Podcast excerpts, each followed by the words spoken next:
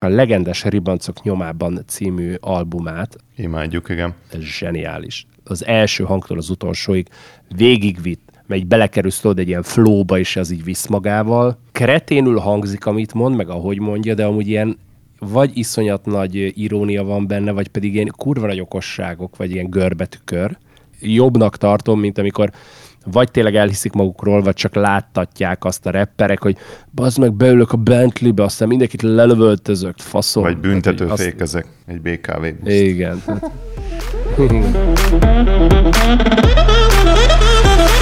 Ready for play.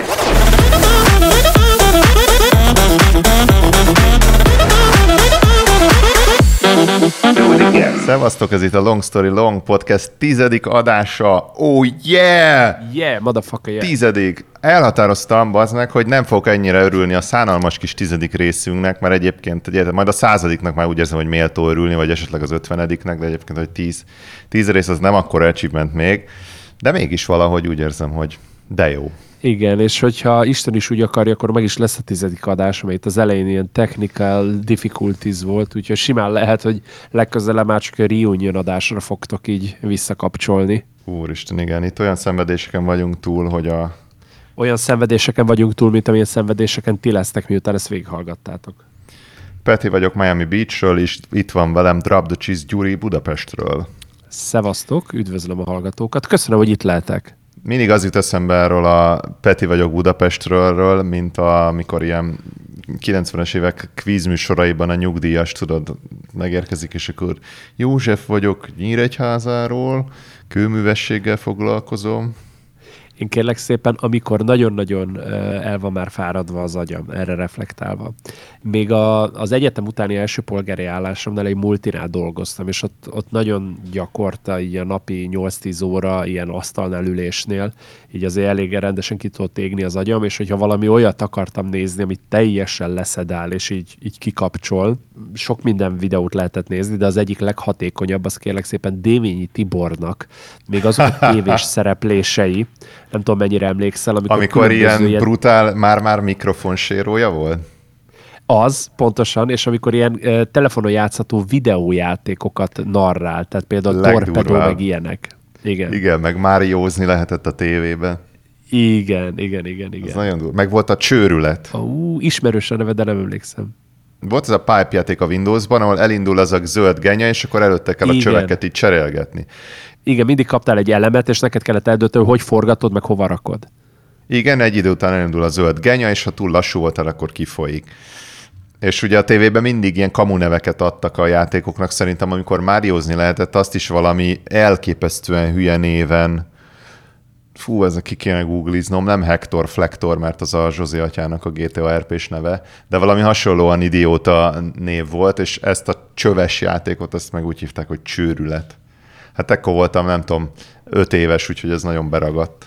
Kérlek szépen, hogy itt teljesen ingyen és bérmentve csináljunk cross promót egy másik podcastnek, van egy podcast, amit én nagyon szívesen hallgatok, ez több, mint valószínű, hogy részben amúgy a életkoromból is adódik. Ez a Checkpoint podcast, ahol kérlek szépen két rendkívül szimpatikus hanggal megáldott fiatalember szokott ilyen régi retro gaming témában beszélgetni, és elhívták azt a programozót, aki szintén nem egy mai gyerek, akik a TV eh, megbízására gyártották ezeket a betelefonálós videójátékokat. Mi, de nem az volt, hogy fut egy, mint tudom én, akkori 386-os, vagy valami, és hogy arra valahogy rákötik a telefonrendszert, hogy külön nem, játékot programoztak? Nem, nem, nem. Külön ripoffolták?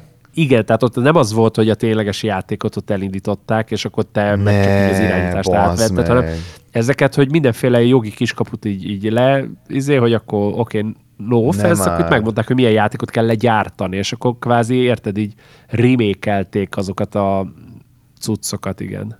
Azt, remékelték a Mario-t, bazd meg. De viszont annyira élethűen, hogy ennyi erővel csak felhasználhatták volna a játékot. Konkrétan a Máriót, azt nem is emlékszem, mert tehát, hogy mondta, mondta Csávó, hogy miken, miken dolgozott. Nem tudom, hogy konkrétan ő dolgozott-e a Mario klónon is, mert amiket mondtak, ilyen fiktív játékneveket, azok nem idéket tudtam hova kötni. Minden esetre amúgy is ajánlom a podcastjüket, de hogy ez az adás, ez, ebből a szempontból most erről elkezdünk beszélni, ez kifejezetten érdekes volt, mert eh, mert, eh, mert ez egy tök jó... Mi ez? Rákerestem közben, fasz meg. Kura jó. Nem, nem Hector Flektornak hívták, nyilván. De cserébe annak, hogy Elektor Kalandor. Ó, okay. A kurva anyád! Mi a fasz? És hogy ráutaltak, a, röviddel volt a rendszerváltás után, amikor tényleges választópolgárok, tehát elektorok létrejöttek, és itt a választópolgár játszott az állami tévében.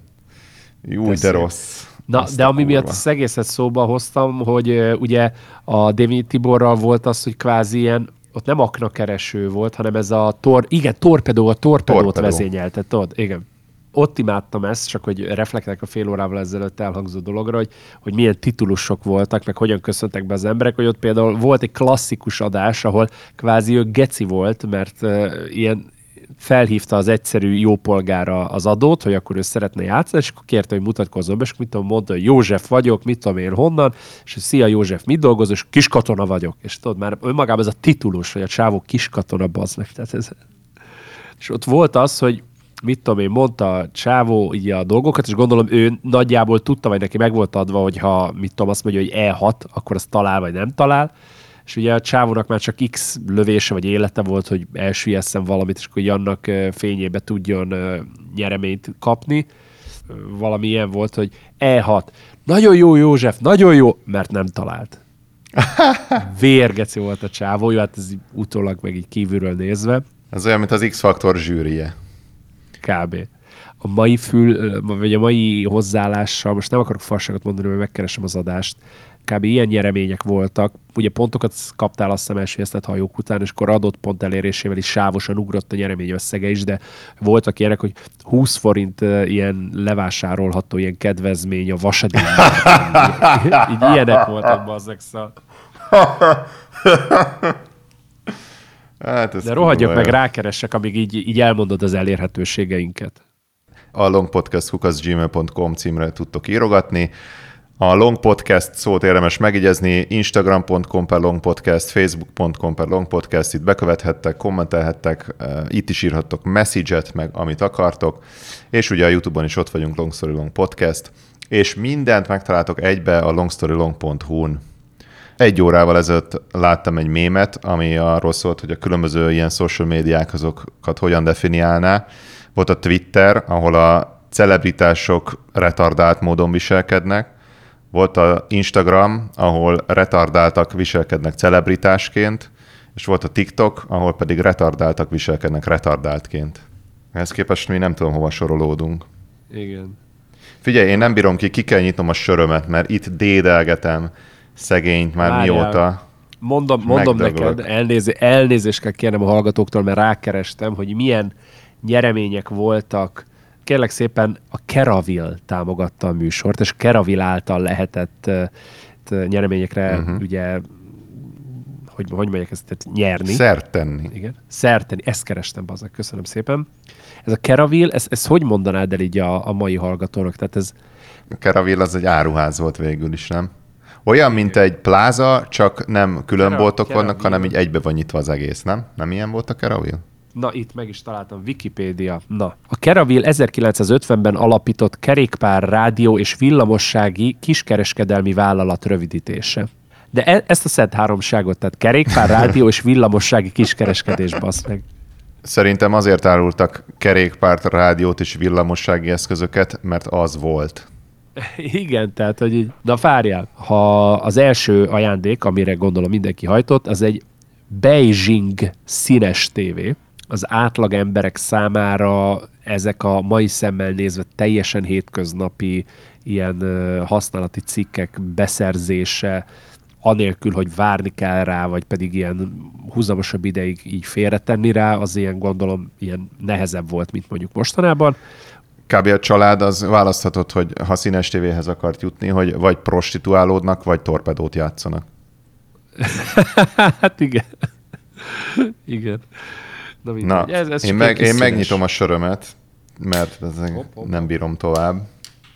Tegnap óta nem Szeretnék ittam. elmondani azt, hogy akinek van kedve, és uh, miközben hallgatja ezt, az így megengedi, mert például, hogyha vezet, vagy valami olyan munkát végez, hogy nem ihat, akkor ne tegye, nem buzdítunk rá senkit, de aki kényelmesen elhelyezkedett egy kádban, egy pohár borral, közben rózsaszírmok, meg ilyen illatos kúrógyertyák, tehát hogyha valaki már hangulatban van, az nyugodtan tartson velünk, és ő is nyissa meg a sörét, mint hogy azt teszem én is. Egy jó Mit csavaros iszol? Miller. Mit iszol? Miller? Egészségetekre. Egészségedre. Tegnap voltunk egy grillezésen, és itt felhalmozódtak a sörök. Én vállaltam azt a társadalmi akciót, hogy hazahozom a söröket, és megőrzöm őket a következő buliig. Meglátjuk, mennyi marad belőlük. És az egyik egy számomra újféle, amit nem én vettem, teljesen amerikai, teljesen Miami. Biscayne Bay sör company gyártotta. Ugye a Biscayne Bay az itt Miami Beach-en a, az öböl, és az a neve, hogy Tropical Bay IPA, és az van ráírva, hogy sit back and relax. Úgyhogy én is ezt szoktam gagging előtt mondani a lánynak. Kurva. Na, a mai adásban, ha minden igaz, akkor rengeteg film, sorozat, zene, tehát mindenféle ilyen eh, modernkori kulturális termékkel fogunk foglalkozni. Nem tudom, előtte elmondanád de hogy Mizu, van-e valami híred? Figyelj ide, v- vannak ilyen kis, kis színesek, most még csak így az előző témákhoz visszacsatolva, hogy ugye a Torpedo mellett megtaláltam az egyik olyan játékot, amit konkrétan, pontosabban kettőt is, amit ha jól emlékszem, az az ember fejlesztett, akivel ott a Checkpoint podcastbe beszélgettek. Az egyik a Boom, erről jobban utána kell olvasni, mert még nem jött át, hogy konkrétan micsoda, a másik pedig az az ötödölő, ezt szintén nem néztem meg, de ha jól látom, ez, ez valami olyan, mint a, ez a tic-tac-toe, tehát hogy ilyen, ilyen öt Az pont az, igen. Na, igen. Ja, igen, kérlek szépen a Boom, az meg be fog szarni. Most Ez egy ilyen blowjob szimulátor. Amúgy, majdnem. A sima Windowsokban, a kezdeti Windowsokban is megtalálható, az az aknakereső játék volt Ja, lefordítva. Igen. Ugye Úristen, nem tudtam, hogy ilyen pofátlanul loptak ezek. De, hát figyelj, ez fogalmazunk úgy, hogy inspirálódtak. Hát megnéztem az Elektor kalandorról egy screenshotot, hát az annyira egy az egybe a Mario, hogy teljesen. Olyan, mintha a Mario level editorral csináltak volna néhány extra pályát. Amúgy szerinted, most ilyen, ilyen csak így játszál a gondolattal. Ott vagy 1988, valaki így eh, megcsinálja így a magyar királyi tévére ugye a Máriónak így a koppintását. Ez hogy a tökönbe tudna internet hiányában eljutni mondjuk Tokióba, hogy ott az ottaniak is így képbe kerüljenek, Ez, mi a így, fasz ez, történik. ez, szerintem ez a kérdés egyben a válasz arra, hogy hogy a faszban nem lett ebből semmi botrány.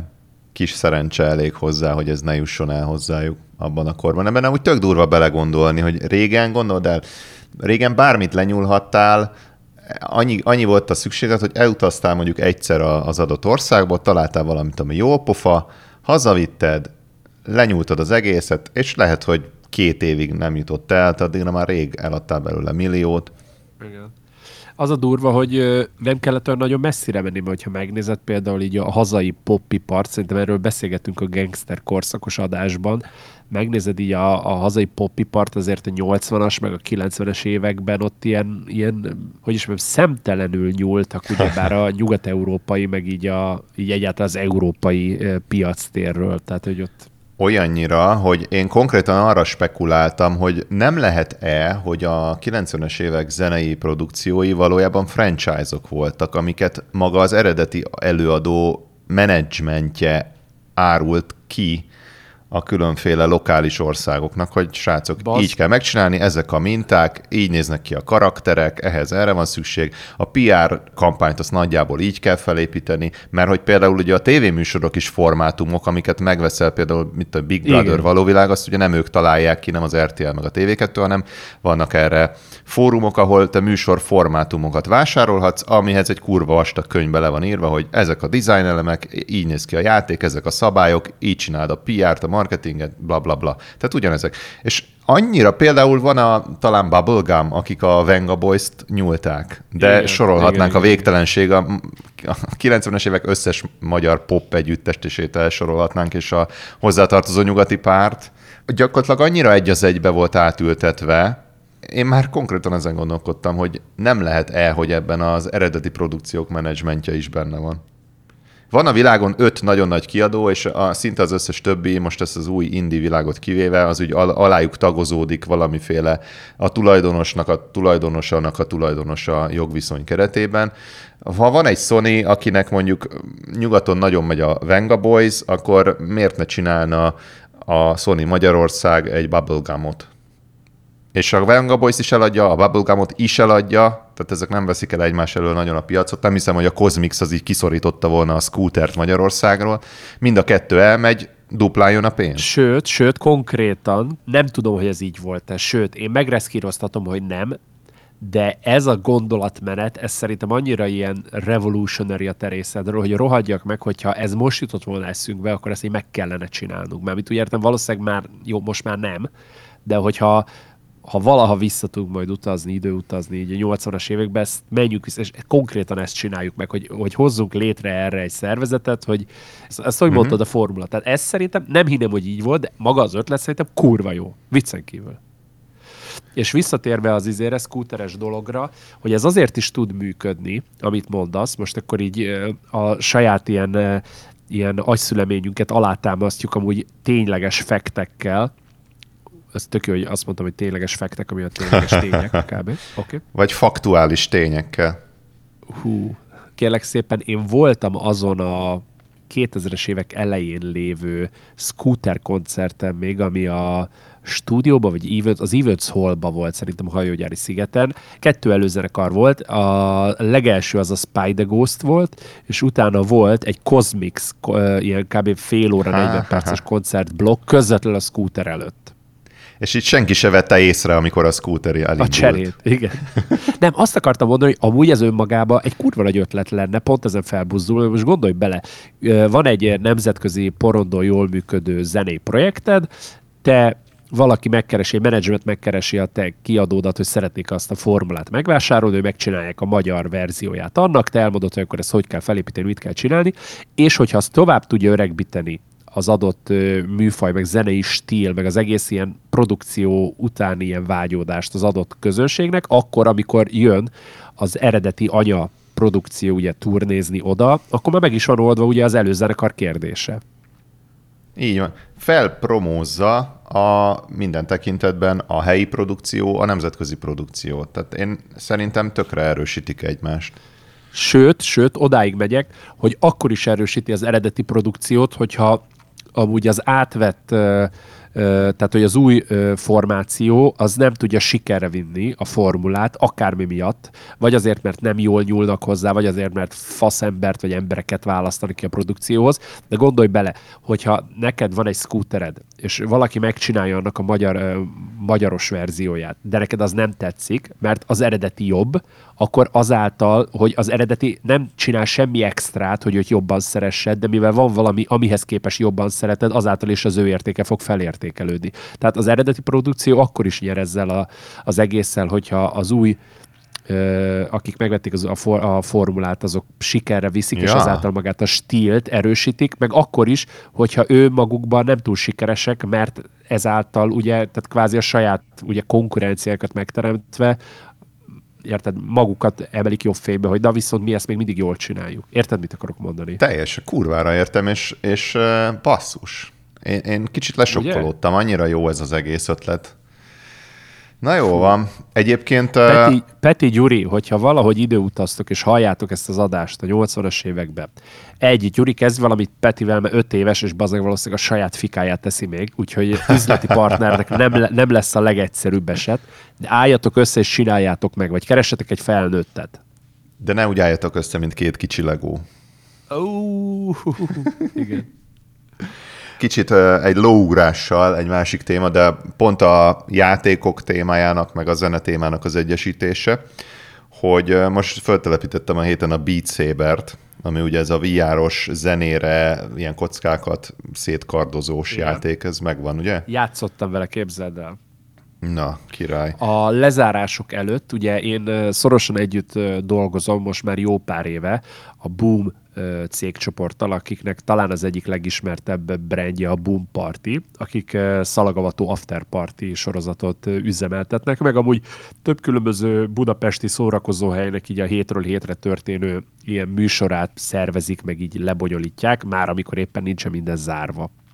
És őket kereste meg egy VR park, nem egy olyan, ahol veled voltunk, amit még egyszer nem tudok eléggé megköszönni, mert nekem az egy nagyon maradandó élmény volt, amikor hát egy, hogy kaptam tőled születésnap ajándékot, kettő pedig azt, hogy tényleg egy élményt adtál, nem pedig ez, hogy tessék, itt van egy 25%-os Keravil vásárlási utalvány, megszűntek 2004-ben. Én pedig nagyon örülök, hogy ahogy megbeszéltük, azt mondott, tehát hogy szülinapra adtam, és eltitkolod az igazságot, hogy az évfordulónkra adtam. Áj, de szép is lenne. Truman Love, Bro. Szóval a lényeg az, hogy sajnos az a, az a Bad Chicken, vagy mi volt annak a VR teremnek, Valami ez megszűnt igen. azóta. Igen, most Kár. ott egy ilyen, ilyen 129. ilyen uh, ruhabolt van ott a West Endben, de tényleg tudod, yeah. ezek az ilyen but, ezek a butikok, ahol ilyen igen. random névgenerátorral gyártott ilyen olasz, meg különböző külföldi nevű ilyen, az Isten tudja milyen szabóságból erről került ilyen a Csepel művek területén gyártják hát ilyen öregnénik. Az a durva egyébként, hogy ez nem vicc, mert én dolgoztam egy ilyen, volt egy ilyen cég, egy ügyfelem, nem varrónéni voltam nekik, de uh, egyszer dolgoztam egy ilyen céggel, és nekik konkrétan a Csepel művekben volt a varrodájuk. Úgy működött, hogy uh, volt egy, uh, egy meleg csávó, nem, nem számít, hogy meleg, csak így a sztereotípiát erősíti, csak ezért mondom. A csávó föllapozta minden hónapban a Glamour, Cosmo, ezeket a guztustalan okádék, Cancer lapokat, így lemásolta az összes ilyen divat oldalról, hogy mi volt. Ő, ő neki volt szakértelme, hogy ő ezeket egy az egybe át tudta ültetni szabás mintákba. Nénik meg megvarták, azt ment a butikba. Így működött a ilyen kamuvilág márka mindjárt mondok valamit, amit vele szorít kiegészítem, csak nekem még így a plázákhoz magukhoz van most egy ilyen top of my head, így eszembe ugrott egy, az ismerősömtől a következő sztorit hallottam, kérlek szépen, de az ilyen gimnázium vége, egyeteméveink elején volt, ő nagyon erősen benne volt a modellépítésben, hajók, tankok, repülők, minden, amit így, így lehetett basztatni, és ő szerzett magának egy ilyen fogorvosi, tudod, van az a pálca végén, az a hajlított ilyen eh, fogorvosi tükör, amivel itt tudod, így be tud nézni így a hátsó uh-huh. fogakhoz is, meg így. Uh-huh. Neki mindig volt egy ilyen, meg egy szike a táskájában, mert hogy hogyha éppen olyanja volt, vagy mit tudom, nem tudom, vagy csak éppen nem vette ki a táskába. A lényeg az, hogy mindig úgy mászkált, hogy volt nála egy ilyen modellszike, meg egy, eh, egy fogorvosi ilyen tükör és elment a West Endbe, és nagyon rájött a kulászhatnék. Nem tudom, hogy éppen azért, mert rosszat evett, vagy ő előszeretettel fogyasztott ezeket a 90 per 150 forintos ilyen automatás kávékat, amiknek mindenhez van közük, csak a kávéhoz nem. És lényeg az, hogy elment a mosdóra, viszont nem tudta eldönteni, hogy most melyik budiba vannak, melyikben nincsenek. És gondolta, Ajaj. hogy hát nagyon egyszerű, előveszi így a fogorvosi hajlított tükröt a zsebéből, és ilyen periszkóp kép így, így benéz velük így felülről, hogy melyikbe ülnek, és akkor amelyikben nem arra bemegy, és akkor ahogy belenyúlt a táskájába, így összefogta egy a, a modellező szikkével együtt, és á, tökéletes, ez lesz az, és akkor így, így felnyújtotta, de csak tudod így a, a budi ajtó felé, hogy így benézzen, hogy akkor hol ülnek. És konkrétan rárukták az ajtót, ugyanis sikerült benéznie a budiba, ült ben valaki, az illető meg akkor felnézett, akkor konkrétan azt látta, hogy egy kézbe, egy szike, meg ilyen pervers piper módjára egy ilyen tükörből valaki őt nézi. És így gondolt, hogy mielőtt itt lekéselik ott a budini, rárugja az ajtót a gyerekre, úgyhogy nem áll, bazd meg. Ez olyan, mint kibaszott egy... Family Guy rész. Hát ahogy kb. Ne szopás, hogy ez megtörtént. Srá... Ez megtörtént. Ez meg... Sajnos konkrétan ugye nekem mesélte a srác, én ismerem, tehát nem ilyen hallott sztori, hanem... Ja, Istenem. Na mindegy, ez az egyik. A másik ez pedig, az év hogy... az meg, esküszöm. Ez kurva jó. Hát pedig. De amúgy tényleg, tehát, hogy e- e- ehhez kellett az ő balfassága is. Tehát, hogy azért na, tehát, hogy érted, hogy egy miért nem rakta vissza, tehát alapból ilyet nem csinálunk, tehát nem így nézünk be, de ha már benézett az a fogorvosi tükörrel, akkor legalább a szikét azt ne fogta volna mellé, hogy így azzal együtt, hogy édes Istenem, de mindegy. A másik sztori, hogy olvastam egy Urban Legendet neten, és képzeld el, utána jártam, és mielőtt bárki azt feltételezi, nem, nem azért, mert nem coming out még, nem azért, mert már coming out hanem mert nem érint a téma. Azzal nincs baj, hogyha valakit érint, engem nem érint. Szóval lényeg az, hogy olvastam valamilyen fórum bejegyzésbe, amikor új plázának számított még, vagy hát már pár éve volt, a MOM pláza, a MOM Park pláza, hogy ott az első emeleten, a pláza végében, a férfi mosdón, ott vannak ilyen lyukak a két budi között, de ilyen nagyon mert rendesen megcsinált. Nem csak az, hogy valaki ott átütötte a falat, hanem faszán az ott körbe volt vágva, és hogy ugyebár a Glory Hall intézménye az az, hogy te elmész egy mosdóba, ott átlogatod így a falon a lőcsödet, és túl oldalon nem törődve azzal, hogy ki van ott, férfi vagy nő, az kezd vele valamit, és utána mind a ketten jól lakottan távoztok, vagy ez kölcsönösen megismétlődik, ez gondolom így az elején valami szóbeli ilyen megegyezésnek a tárgya. De hogy, hogy írták azt, hogy na, aki, aki ízé, tehát félrejtésnek nem kerestem ezt, hanem ebbe így belefutottam, miközben amúgy mást kerestem. Na mindegy, és lényeg ezt az, senki hogy... se hiszi el, de folytasd. Ezt senki sem hiszi el, mindegy.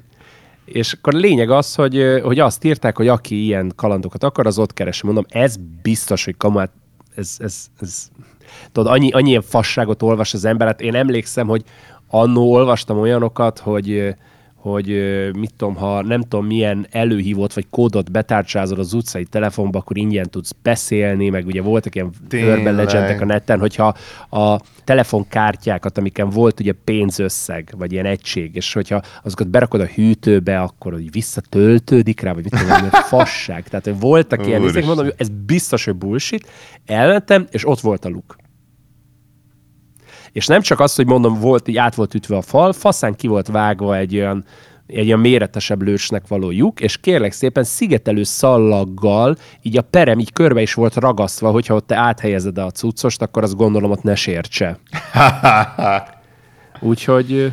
Na és a millió dolláros kérdés, hogy miután ezt konstatáltad, mit tettél? igen, igen. Tudod, és utána így, hogy lefagyott a kép, és így megjelentek így a izék, mint a legyen ön is milliómosban négy választ lehetőség, hogy A. Ön átlogatja a péniszét. B. Ő megvárja, amíg valaki más logatja át a péniszét. C. Nem tesz semmit. Vagy D. D. Átlógat egy tükröt és egy szikét. igen. Nem, ö, oda mentem, konstatáltam, és kurva gyorsan eltűntem onnan, mielőtt valaki megjön, és ö, ilyen felhívás keringőnek konstatálja azt, hogy én ott így létezem. Tehát, hogy... Mert ö, az egy dolog, hogy én bennem, hála Istennek, ö, soha nem volt az eddig életem folyamán arra szükség, hogy ilyenhez folyamodjak, mármint, hogy, hogy a párkeresésben annyira kétségbe esett legyek, hogy ilyenhez kelljen nyúlni, de azt lehet, hogy nehezebben dolgoztam volna fel, hogyha tudod, ott vagyok, hogy hm, tényleg itt van a cucc, és így hirtelen valaki így betolja nekem így a műsort így arc közelbe, akkor lehet, hogy az így lejött volna rólam a keresztvíz, úgyhogy hál' Istennek ez nem történt meg. Viszont utána, lát, utána jártam, és legalább egy Urban Legend az... Confirmed. Pipa. Confirmed. Bár kérdés, figyelj, mitől lesz egy glory hole glory hole? Pusztán az elhelyezkedésétől, vagy azonoknál fogva, hogy azon tényleg valaki átdugja a faszát? Glory hole-e egy glory hole, ameddig senki nem dugja át rajta? Ez a Schrödinger glory hole-ja. Hmm. Addig nem tudjuk, hogy glory hole-e, amíg át nem, ugye, amíg, ugyanúgy, hogy ki nem nyitjuk a dobozt. Igen, hát figyelj ide. Szerintem, szerintem, hát igen, ha átdugtuk, akkor már az. Máshogy fogalmazom meg a kérdést. Elég az, hogyha, tehát most A, megcsinálod a lyukat az adott helyen, az már glory hole vagy ahhoz át kell dugni rá a lőcsöt, vagy C, nem elég átdugni, azzal a túloldalon valakinek kell is kezdeni valamit, mert különben az csak egy luk, amiben belógattad. Igen. De most komolyan. Igen, például, ha te ott átdugtad volna, és a szomszéd fülke amúgy tök üres, és tegyük fel, az a lyuk véletlenül került oda, vagy volt ott egy kisebb lyuk, ami, a lyuk, amit kijavítottak, és hogy szép legyen, legalább megcsinálták normálisan, mert betömni nem tudták. A másik oldalon nincs senki, te ott állsz a faszoddal 15 perce már, nem történik semmi, akkor az egy glory hole, vagy nem? Na, ez így rendkívül proper és jó kérdés, úgyhogy szeretnénk arra biztatni a hallgatóinkat ugyanúgy az előző adásnál is tettük, ahol a dick pic témakört jártuk körbe, hogyha ezzel a glory holos megfejtéssel kapcsolatban nekik vannak nem feltétlenül az igazság, de hogy mondjuk kettő választ várunk. A. Bárki valaha állt-e bármelyik végén, ez az első. Ha bárki írja meg, esküszöm név nélkül beolvassuk. Ha, ha bárki, hát azonnal behívjuk vendégnek. Ez az egyik. A másik pedig az, hogy mit gondoltok erről, amit most fejtegetünk, hogy mettől a ponttól számít Glory Hallnak a Glory Hall, és meddig csak egy, egy rés, egy bármilyen elválasztó falfelületen, amiben te beleraktad. hát igen. Illetve akkor itt van egy nagyon fontos kérdés. Ki a buzi? Nem bántóan akarjuk ezt használni, ezt a megfogalmazást, szóval senki ne vegye magára. Ezzel csak ilyen köznyelven értetjük azt, hogy két egymást, egymás iránt vonzódó férfiról beszélve, az, aki csinálja, vagy akinek csinálják. Vagy aki ezt az egészet nézi, C. Nem, de tehát érted mi a kérdés? Hát értem. Kontextusba helyezem az a dolgot. Péter, amerikai jó szokás amúgy is, téged csak úgy poénból megszvattingoltatlak például. Tisztában vagy a swattingoltatás fogalmával? Nem, de most már tűkönülök. És nem azért, mert aranyerem van. Uh-huh. Akkor tűzön ülnél. Szóval kérlek szépen a swattingoltatás lényege, ez sajnos egy létező amúgy kretén prank Amerikában, vagy hát legalábbis Amerikában népszerű, aztán biztos csináltak már máshol is a világon. Magyarországon gondolom tekkeltetésnek, vagy tekkesztetésnek hívnak. A lényeg az, hogy streamerre adás közben, hogyha valahonnan megtudják a címét, ráküldik a swatot mondván, hogy ott valami terrorista sejt van, vagy valami, mert hogy az milyen jó poén, hogy ugye utána meg végignézik élőadásba a stream keretein belül, hogy rárugják a kommandósok az ajtót a csávóra, és ott bilincsbe velik, elviszik, és akkor ez csak ugye később tudja tisztázni magát. Ez a swattingoltatás. Aha. Hát ez ilyen, szerintem egyrészt gecigáz, másrészt viszonylag ártalmatlan. Igen. Tehát nyilván hamar rájönnek, hogy nem nincs semmi a nem, mert volt, volt már ebből is, hogy valakit vetlenül lelőttek itt szvaktingoltatás közben. Azt nem tudom, hogy meg is halt, vagy csak így kórházba került, de szóval ennek voltak már jó, az kársultjai. Igen, az még szar. Na, szóval, de tegyük fel, hogy én poénból téged most megszvattingoltatlak, és te bekerülsz a Szent Quentin börtönbe. Mert hát hova máshova kerülnél, ugyebár. Guantanamo-ra. És ott bekerülsz egy cellába, ahol neked azt mondja Jesus, és akkor ezzel egyáltalán nem akarok utalni, hogy milyen származású lehet a cellatársad, hogy már pedig ő belógatná neked. Te ugye mm, a legutolsó információ alapján ugye heteroszexuális vagy, de belemész a játékba annak érdekében, hogy ne ajándékozzon meg az illető egy kolumbiai nyakkendővel. Tisztában vagy, Péter, a kolumbiai nyakkendő fogalmával. Nem. Csak a proletár nyakkendővel, ami az akasztófa kötél. Ez az adás, mint ahogy az összes eddig is, rendkívül ugye ilyen tudományos és ismeretterjesztő. Nyelvművelő. Köszönöm szépen. Amúgy nagyon jó, nagyon jó a hasonlatod. A nyelvvel kapcsolatos, a kolumbiai nyakkendő fogalma is. Aki tisztában, vagy aki látta volna, azt hiszem az 1980-as évekből származó Kutyám Jerry Lee című akció vígjátékot, az ott már találkozhatott ezzel a fogalommal már. A kolumbiai nyakkendő lényege, hogy elvágják a torkodat giga alatt, kihúzzák rajta ah. a nyelvedet, és ott szépen meghalsz. Á, júj. Váratlanul switcheltünk itt a komédiából a brutál horrorba. De te ezt el akarod kerülni, ezért belemész Jesus játékába. Ebben az esetben te magad is melegnek számítasz, vagy nem? Illetve melyik esetben számítasz annak, ha ő csinálja neked, vagy te csinálod neki? Ez költői kérdés, vagy válaszolja? Válaszolhatsz rá, vagy ez az egész, ez ténylegesen annak a kérdése, hogy te férfiakkal vagy nőkkel akarod csinálni, és onnantól kezdve tök mindegy. Na, hát szerintem ez utóbbi a válasz.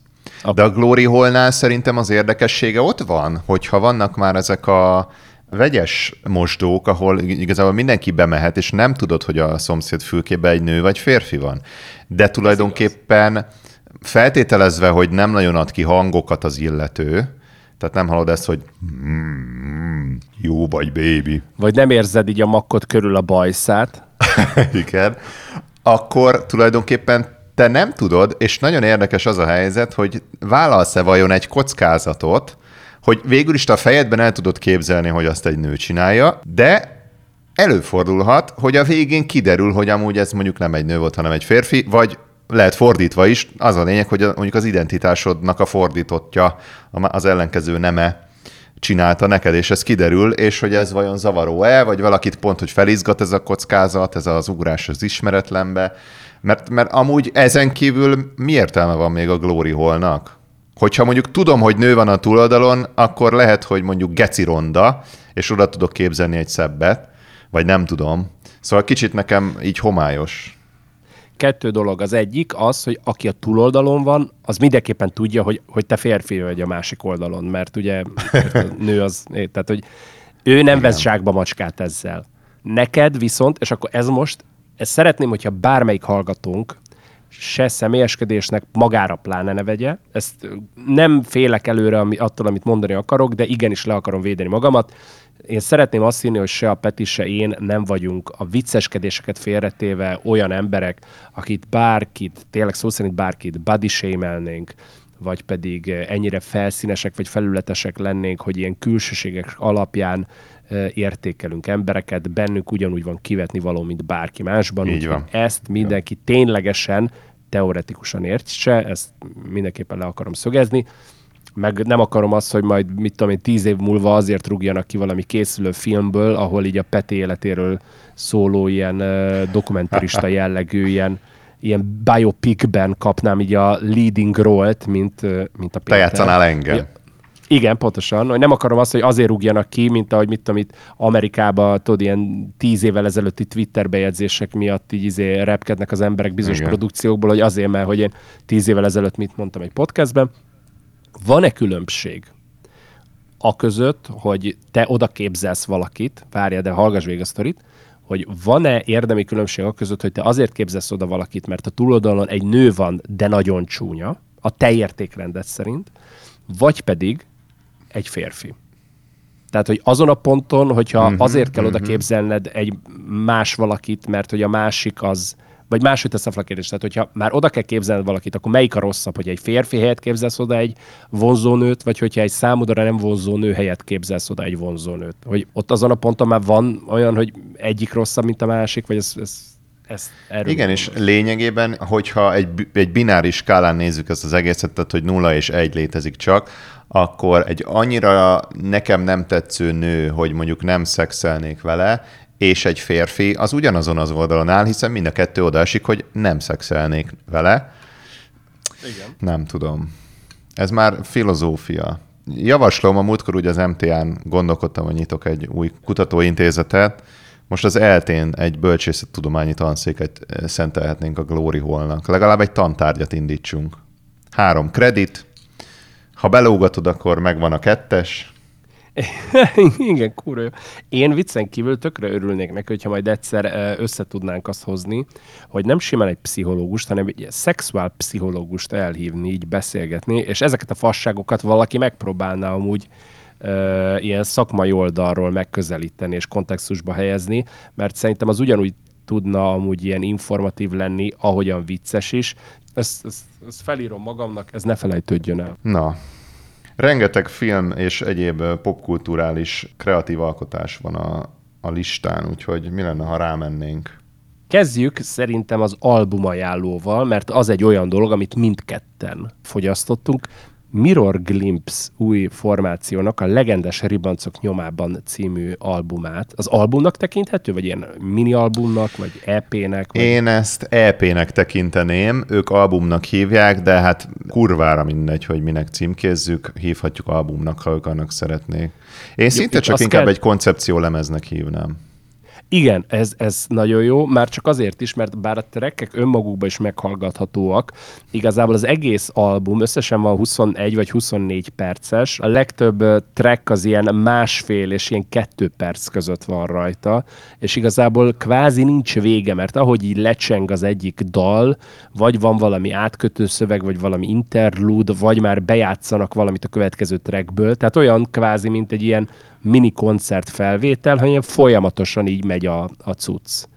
Igen, és az egyes számok ugye nincsenek a klasszikus felépítés szerint összerakva, hanem kvázi, ahol azt gondolnád, hogy ez a szám még folytatódni fog, ott egyszer csak véget ér. Inkább azt mondanám, hogy hangulatok és témák vannak megragadva, amelyek viszont a közös téma a legendás ribancok nyomában és megfigyelése és levadászása a témaköré épülnek. Ja, egyébként azt talán annak, aki nem ismerné, jó, ha hamar elmondjuk, hogy ez a Mirror Glimpse, ez nem egy valami brand new akármi, hanem ez Krubinak és Bítónak a közös hát ilyen love projektje lényegében. A Krubi posztját olvastam, valami olyasmi volt benne, hogy nem tudom, lementek Balatonra két hétre, és örömzenéltek, meg örömszöveg és ennek a, az eredménye a legendás ribancok nyomában. Krubival már ugye volt uh, ismerettségem, tehát hogy így voltam bulián is, vagy ilyen koncertjén is többször. Én voltam annyira fanboy, hogy volt közös képen vele, a számaira írt uh, remixet azt én így játszottam is, tehát hogy én így, én így kultiválom a munkásságát. A totális kedvenc ember nem szeretünk politizálni, az az Orbán vert ki a Ferinek, tehát hogy az, igen. Nekem nagy álmom az, hogy ezt karaoke-ba elnyomhassam. Krúbi, ha ezt hallgatod, karaoke verziót azonnal basz föl a YouTube-ra létszi. Az amúgy zseniális lenne, ez igaz. Karanténhelyzet alatt az otthoni karaoke bulik egy ilyen fajta fegyverre van szüksége. Tehát ez, ez na mindegy, az zseniális. Ha más nem, én erősen gondolkozok, hogy ezt valahogy lehet, hogy nekünk meg kellene csinálni karaoke verzióba. De tudja, hogy van egy instru. Dobjátok át, srácok, majd írjunk rájuk, azt csak átküldik. Jó. Na mindegy, én Bító létezésével én nem voltam tisztában, de ez valószínűleg annak tudható be, hogy ezt a fajta, ez alternatívnak, vagy undergroundnak, ez minek minősül, amiben ők amúgy így producerek, meg dalszerzők így jelen vannak. Tehát az, az mi? Pár éve azt mondtam volna, hogy underground, ma már inkább azt mondom Krubira egyértelműen, hogy mainstream, nem a szónak a rossz értelmében, csak egyszerűen az eladási és koncert számai nyomán meg a nézettségi számai nyomán. Na jó, de a dalai azok meg azért nem hívhatok mainstreamnek, mert a rádióból nem ömlik rá. Igen, tehát a mainstreamnek jelenleg az a baj, hogy a mainstream az meghasadt ha a mainstream alatt a rádiót értjük, meg a, a nem tudom, a tévét, akkor nem mainstream, de, az egy, de a rádiós mainstream az jelenleg egy ilyen álomvilág. Tehát a, a rádiós mainstream nem játsza azt, ami a YouTube trending. Tehát például nagyon kevés átfedés van a kettő között. Tehát innentől mi a mainstream? A YouTube trending vagy a rádió? Hát szerintem a YouTube trending a mainstream. Azt hallgatják a legtöbben, szóval szerintem az a fő sodor. Ez egy külön beszélgetés lehetne, és nagyon érdekes mondom, a Krubinak a mainstreamségét úgy értem, hogy egyszerűen kurvára népszerű és joggal. Uh-huh. A Bító, ő is ugyanabból a, körülbelül ugyanakkor és ugyanabból az underground szintről indult. Ma már azért ő is egy számon tartott valaki. Én nem követem annyira szorosan az ő munkásságát, szerintem nem is akkora, mint Krubi, de körülbelül egy, egy sulit képviselnek. Egyébként a Krubi első lemezén is rajta volt a Bító. Hát már a legelső számba, ha jól emlékszem.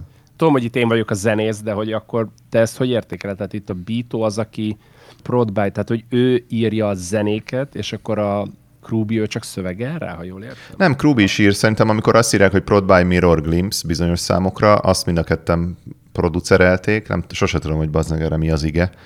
Meg Krubi is alapvetően ír zenét, Krubi csomó hangszeren játszik, énekel, mit tudom én, szóval itt mind a kettejükben megvan a teljes szaktudás. Uh-huh. Itt vagy? Itt vagyok. Azt hittem, hogy még mondott tovább. E, mondat vége volt, csak így volt egy ilyen elágazási tábla, hogy most a hangsúly az fölfele menjen, vagy lefele, és így véletlenül fölfele kanyarodta.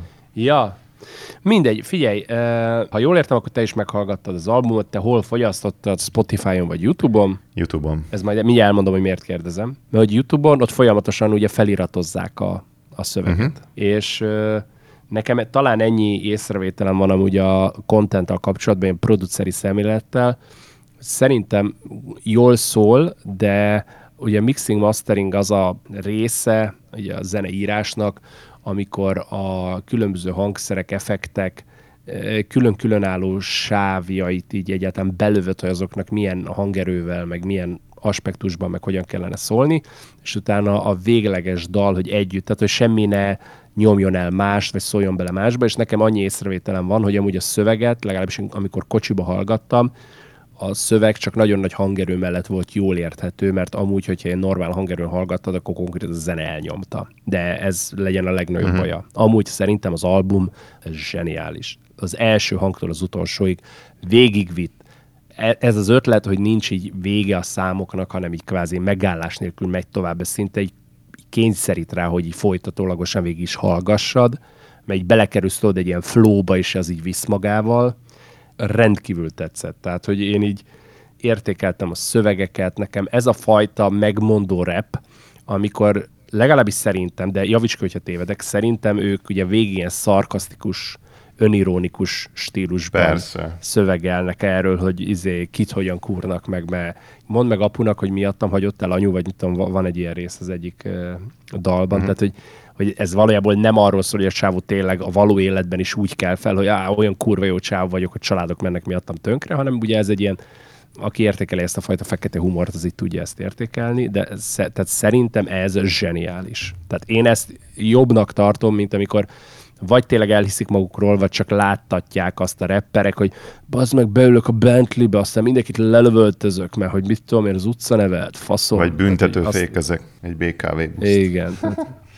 Igen. Szóval, hogy az, az nekem ilyen, ilyen cringe inkább, de ezzel tudok azonosulni, meg ezen jókat tudok röhögni.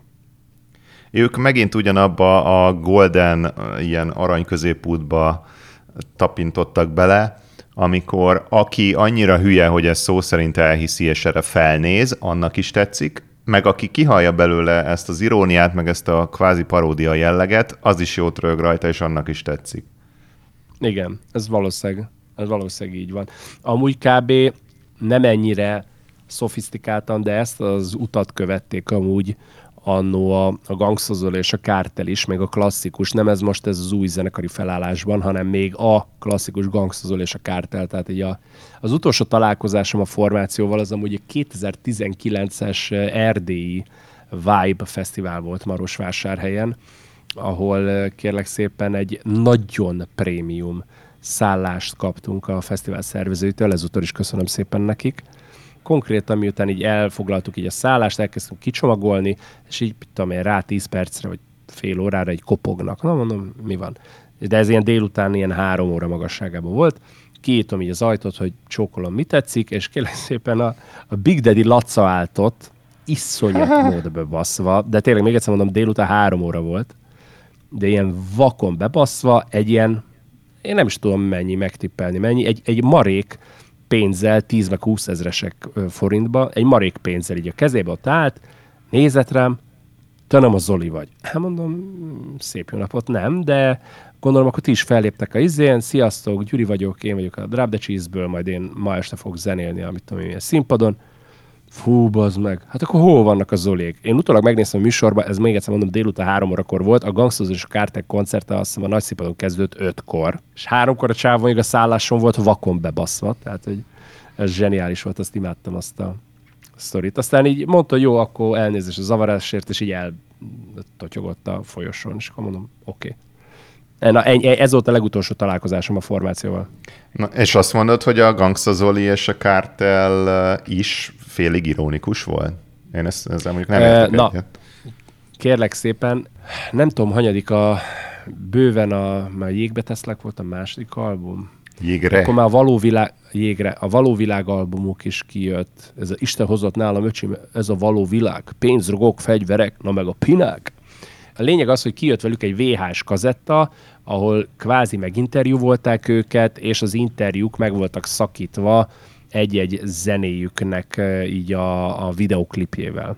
Ott mondta el, konkrétan még viszonylag így az interjú elején a Gangsta Zoli, hogy ők ezt amúgy halálpoénból csinálják, ennek ellenére pontosan tisztában vannak vele, és erre ők tudatosan rá is játszanak, hogy nagyon sokan így, az az Zoli kurva kemény vagy, ez az nyomja, tehát hogy tényleg azt hiszik, hogy ők, ők ilyen uh, fasza gyerekek, pedig ők tényleg nem azt, mint amit a dalokból reppelnek, hogy felkelnek reggel, adnak egy csókot otthon az asszonynak, majd lemennek a térre, ott lógnak egész nap, majd mit jól be kúrnak, utána megpakolnak egy-két ribancot, majd lelövöldözik az ellenséges gengeket, és hazamennek, hanem ez az egész egy kvázi szarkasztikus, ilyen kitalált image, amit látták, hogy ez működik, akkor miért ne csinálják, csinálták.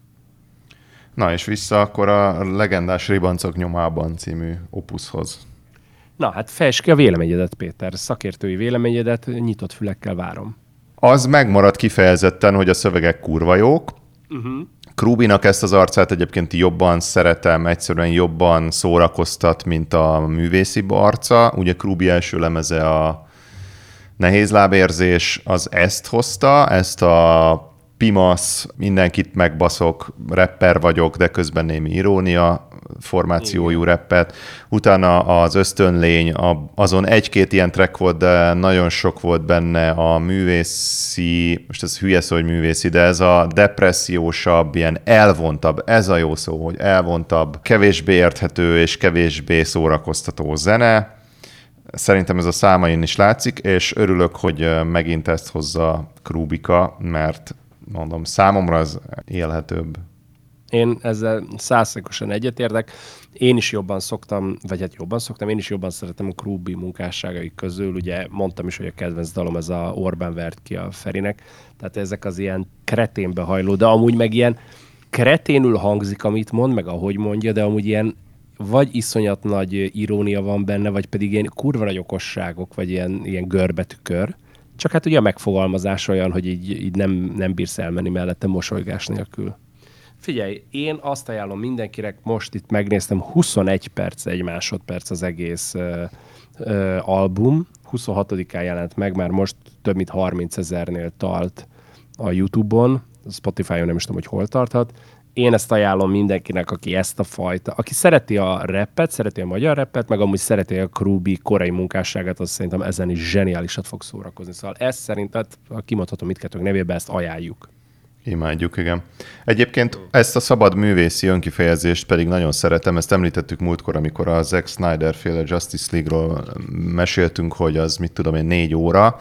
Tehát a formabontás, hogy ez az album például csak 21 perc, a számok nem igazán számok, illetve nem tükrözik azt a klasszikus struktúrát, amit a számoknak elvileg kéne, de hát fuck you, tehát kiszabta meg ezeket az elveket. Úgy fejezi ki magát egy előadó, ahogy akarja.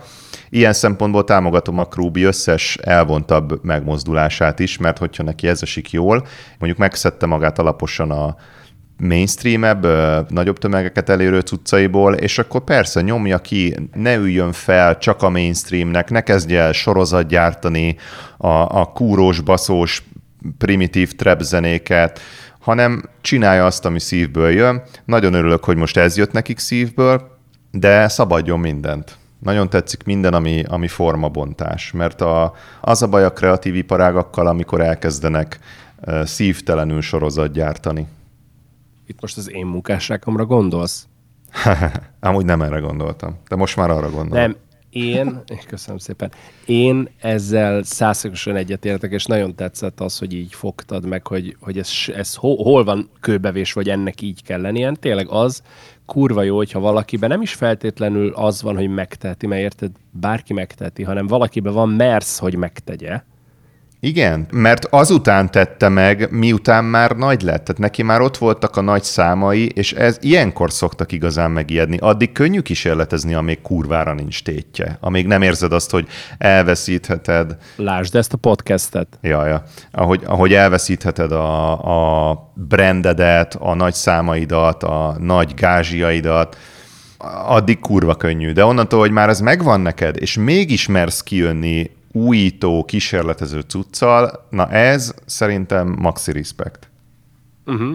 Arra akartam rátérni, hogy amikor a Queen kijött a Bohemian Rhapsody-val, és értelemszerűen én most, amit ide akartam csatolni, azt így a, a Bohemian Rhapsody filmbe láttam jelenetet, amikor ők először bediszkozták ott ugye a lemez kiadónak, hogy akkor ők meg akarják csinálni ezt a tracket, és hogy ezt hozzák ki kislemezként, meg ezt nyomassák, és hogy így tudod, ki, ki voltak akadva az, hogy mi az, hogy 7 perces a track, tehát hogy ez ilyen nincs, meg hogy mi az, hogy ilyen különböző zsanrák is így, így előteret kapnak így ebbe az egy trackbe, hát ez, ez nem, nem ilyen a rockzene, és akkor ők is ki voltak akadva, hogy az meg a rockzene az olyan, ami ennek mi akarjuk, hát ez nincs sehol leírva az, hogy ennek ilyennek kell lennie. Ők is azzal ugye jutottak egyről a kettőre, hogy így mindenkinek azt mondták, hogy fuck you, az meg mi ezt így akarjuk csinálni, pont. Aztán majd vagy fogják szeretni az emberek, vagy nem. Uh-huh. Ennyi. Na viszont itt, ha már érintettem ezt a Zack Snyder féle Justice League-et, Na ha jól tudom, te megnézted azóta teljes egészében mind a, mind a négy órát. Ja, bocsánat. Egy-két adással ezelőtt beszéltünk erről, hogy majd ki fog jönni, akkor ez még ilyen állapotban volt. Azóta kijött, Igen. tele van vele az internet, én mémek formájában találkoztam vele. A mémekből az jött át, hogy ez egy teljesen más film, és úgy alapvetően Igen. pozitívnak tűnt a hozzáállás. Na de mi az igazság? Na, Kérlek szépen, most nagyon ilyen hatásvadász clickbait módon fogom megfogalmazni. A Zack Snyder féle Justice League jobb lett, mint a 2017-es, de ez vajon elége ahhoz, hogy jó film is legyen? Kattints ide, és megtudod. Várjál, várjál, várjál. Köszönjük szépen. Pop-up reklám, pénisztövelő tabletta. Péter, először vedd meg, vagy lőd ki az ablakot? Megveszem, megveszem. Igen, kurva jó. Ö, figyelj ide, megnéztem a Zack Ryder féle verziót, ugye ezt elmondtuk az előző adásban is, csak akik azt nem hallották, egy hallgassák meg, de ismétlés a tudás anyja elmondom. 2017-ben jött ki a Warner Brothers-től az előző Justice League film, amit a Zack Snyder kezdett el forgatni, a film nagy része már megvolt, majd sajnos a lánya öngyilkossága miatt ott kellett hagyni a munkálatokat, viszont a Warner nem várt rá, hogy majd ő ezt kiheverje és visszajön dolgozni, hanem Josh Whedonnek odaadták, hogy akkor őt olyanból lehet ismerni, mint a Buffy a vámpírok mére, a Firefly, illetve egy-két ilyen hasonló munkásság. Ő meg újra forgatott hozzá jeleneteket, meg megvágta az egészet, és csinált egy kétórás filmet, aminek őszintén se eleje, se vége nem volt, bizonyos szekvenciák nem logikusan vagy nem érthetően követték egymást, a CGI is megkérdőjelezhető volt, és az egész film felépítése, struktúrája, meg végkimenetele az mindenkibe zavart és elégedetlenséget hagyott. Tehát, hogy annál a filmnél én nem ismerek olyan embert, akár a környezetemben, akár így az interneten, akinek így fogyasztottam volna a reviewját bármilyen írott vagy nézett formában, nem ismerek olyan embert, aki azzal elégedett lett volna. A Zack Snyder viszont utána elkezdett kampányolni azért, hogy már pedig van egy ilyen Zack Snyder cut, ő azt szeretné így releaselni, csak hát akkor még nem volt rákényszerítve a Warner arra, hogy ennek így aláfeküdjön, mert úgy volt vele, hogy ez eddig is egy pénztemető volt, most érted a fasznak, öntse bele tovább. Illetve akkor még nem volt egy Zack Snyder cut, ő azért kampányolt, hogy hadd csinálja meg. Mm.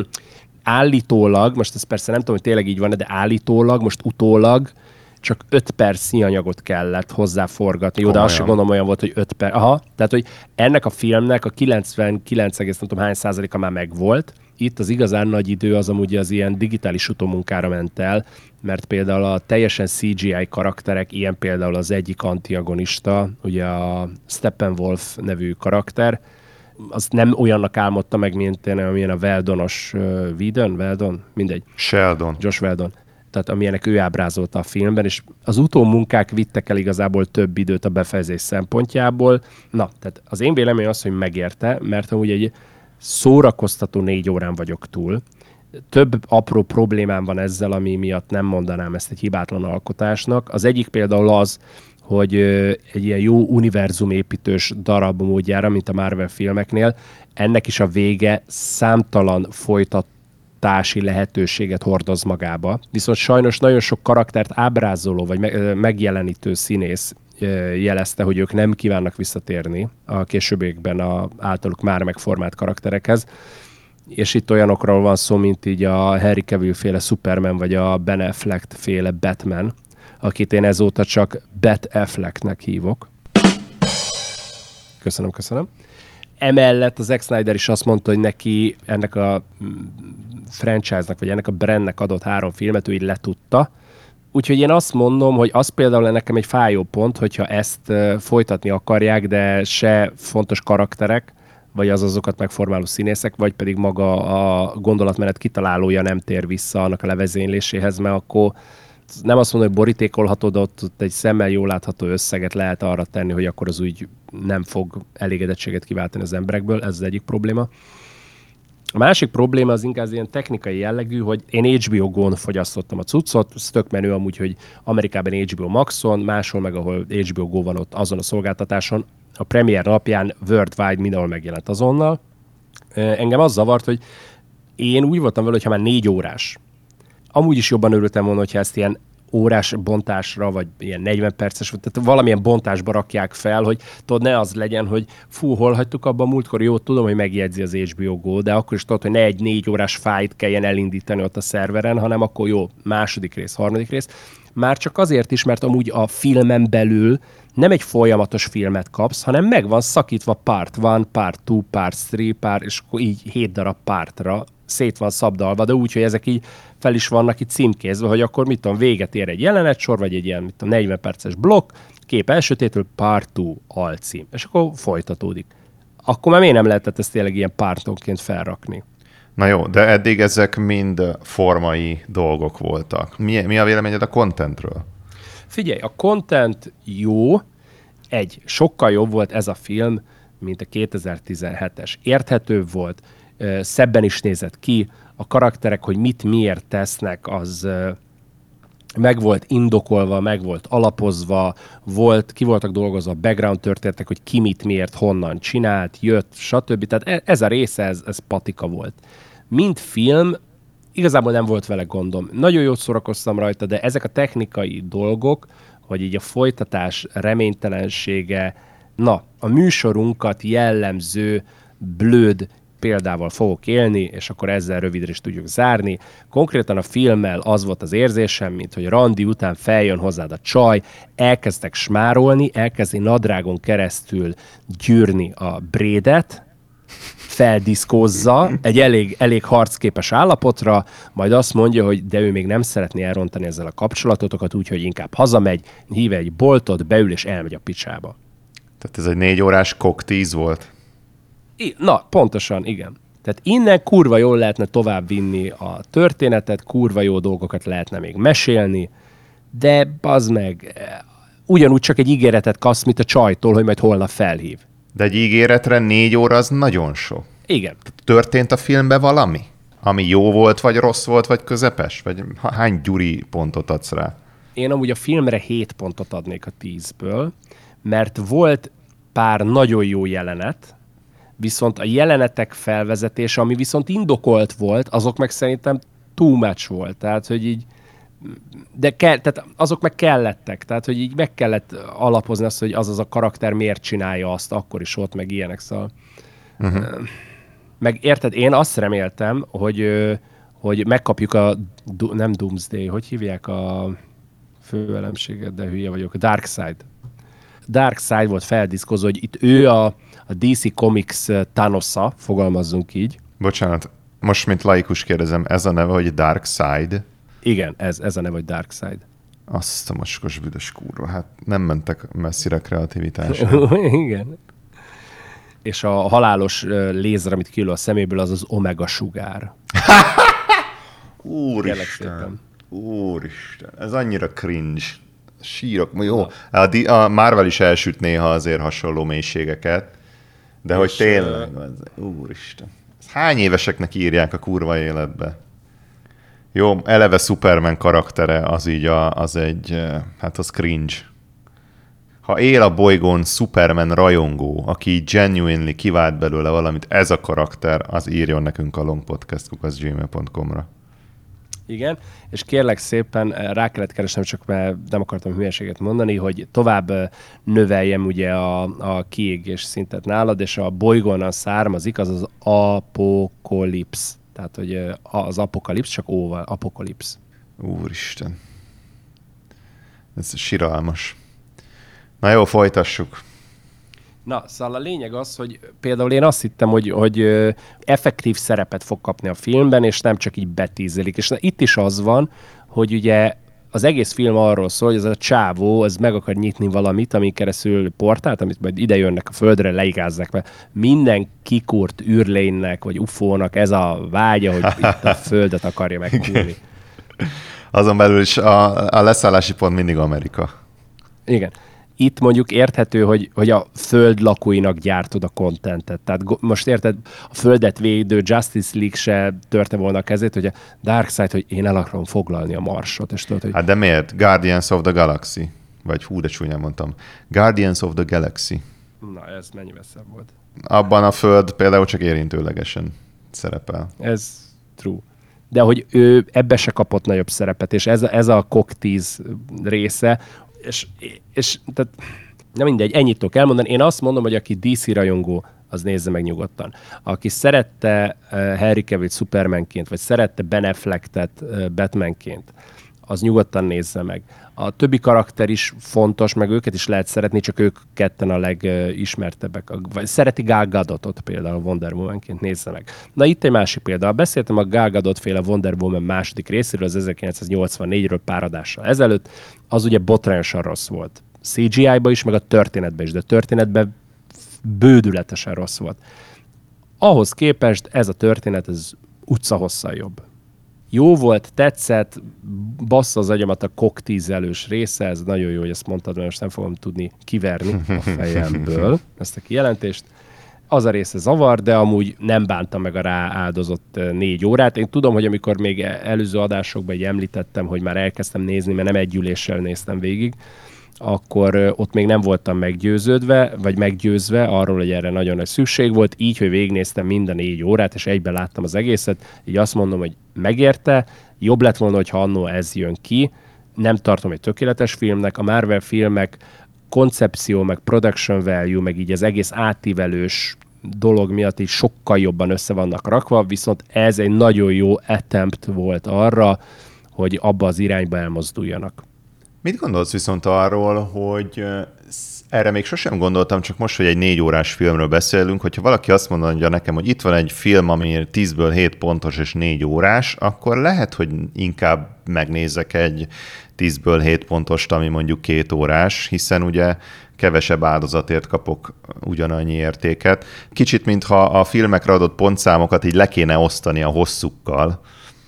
Figyelj, Szerintem ugyanannyit ér, és abból mondom ezt, mert amúgy a production value az, ami ezt eldönteti veled, ugyanis én ültem úgy végig két és fél órás filmet, ami egy négy órás fényében nem tűnik olyan hosszúnak, de amúgy egy átlag mondjuk 90 perces mozihoz képest azért sok a két és fél óra, de én ültem végig úgy két és fél órás filmet, ami annyira tetszett, hogy nem tűnt fel, hogy az két és fél óra volt, mert elszaladt kb. egy a film. Szó, szóval elnézést kérek szépen. Szóval szerintem, hogyha jól meg van csinálva, akkor, akkor igen. De most én éreztem úgy 90 perces filmet is, hogy bazd mintha órákig néztem volna, mert annyira vontatott volt és szar, szóval... Ja, de az nem volt 7 pontos. Igen. A hossz ebből a szempontból nem kell, hogy az értékelést befolyásolja, itt igazából az a kérdés, ami alapján döntést kell hoznod, hogy maga a téma, amiről a négy órás szó le, az érdekele. Mert most hiába, tegyük fel, hogyha Zack Snyder csinált volna a kosárfonásról, bazd meg egy négy és fél órás eredet történetfilmet, lehet, hogy kurva jól megcsinálja, és mindenki, aki a téma kedvelője, az szétpotozta volna a picsába, de akkor sem néztem volna meg, és nem azért, mert négy órás, hanem mert a téma maga nem érdekel. Uh-huh. Az jutott eszembe, mi lett volna, ha Michael Bay forgat egy filmet a kosárfonásról. Oh, Szerintem az összes kosár felrobbant volna tudod, ilyen fonás közben. Csórikán, vagy Transformers lett volna belőlük. Na, akkor ez igazából be is töltheti az erre a hétre való nem sorozat, hanem ezúttal filmajánló rovatot. Uh-huh. Így már megalapozott teljesen uh, real-life véleménnyel. Igen, hát figyelj, de azt mindenképpen elmondhatjuk, hogy az volt a közös mind a két ajánlatunkban, vagy ajánlónkban, hogy az adott művésznek így a művészi koncepcióját, ami formabontó, azt valósította meg, és váltott ki pozitív vagy negatív nem tetszést a, a nézőkből. Amúgy most meg is nézem. Figyelj, szerintem elmondhatjuk, és picit visszatérve a Mirror Grips legendás ribancok nyomába arra, az, hogy jelenleg 30 ezer megtekintés mellett 2100 like, és csak 35 darab dislike van rajta, az szerintem egy elég erős, hogy ez a közönségnek tetszik. Uh-huh. Szóval... Akkor a mai adás a glory hallokról és a formabontásról szól. Igen egyszer csinálnánk valami nem perverz adást, imádnám. Na jó van, oké. Okay. Péter, hol tudnak velünk kapcsolatba lépni az emberek, hogyha az adás után vagy az elégedettségüket, vagy a kielégültségüket, vagy pedig a botrán, megbotránkozott haragukat szeretnék ránk zúdítani? Nekem írhattok a longpodcast.gmail.com-ra, Gyurival pedig találkozhattok a Mon Park harmadik emeleti WC-jében, a Glory Hall másik oldalán. Te fasz. Ó, Istenem.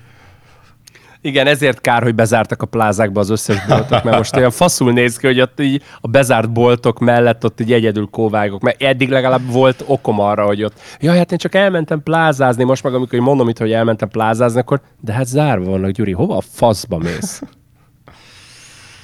És kövessetek be az Instán és a Facebookon egyaránt a Long Podcast account alatt, valamint YouTube-on is followolhatok, mindenhol kommentelhettek, és küldhettek nekünk üzenetet, úgyhogy ezt nagy örömmel várjuk.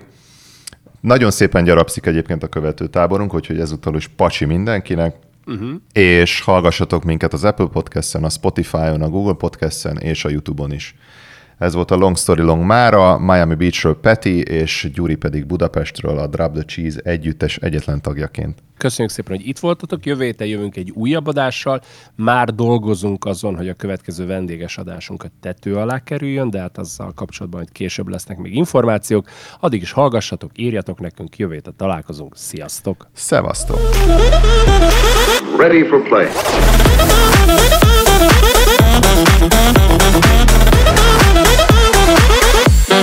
Do it again.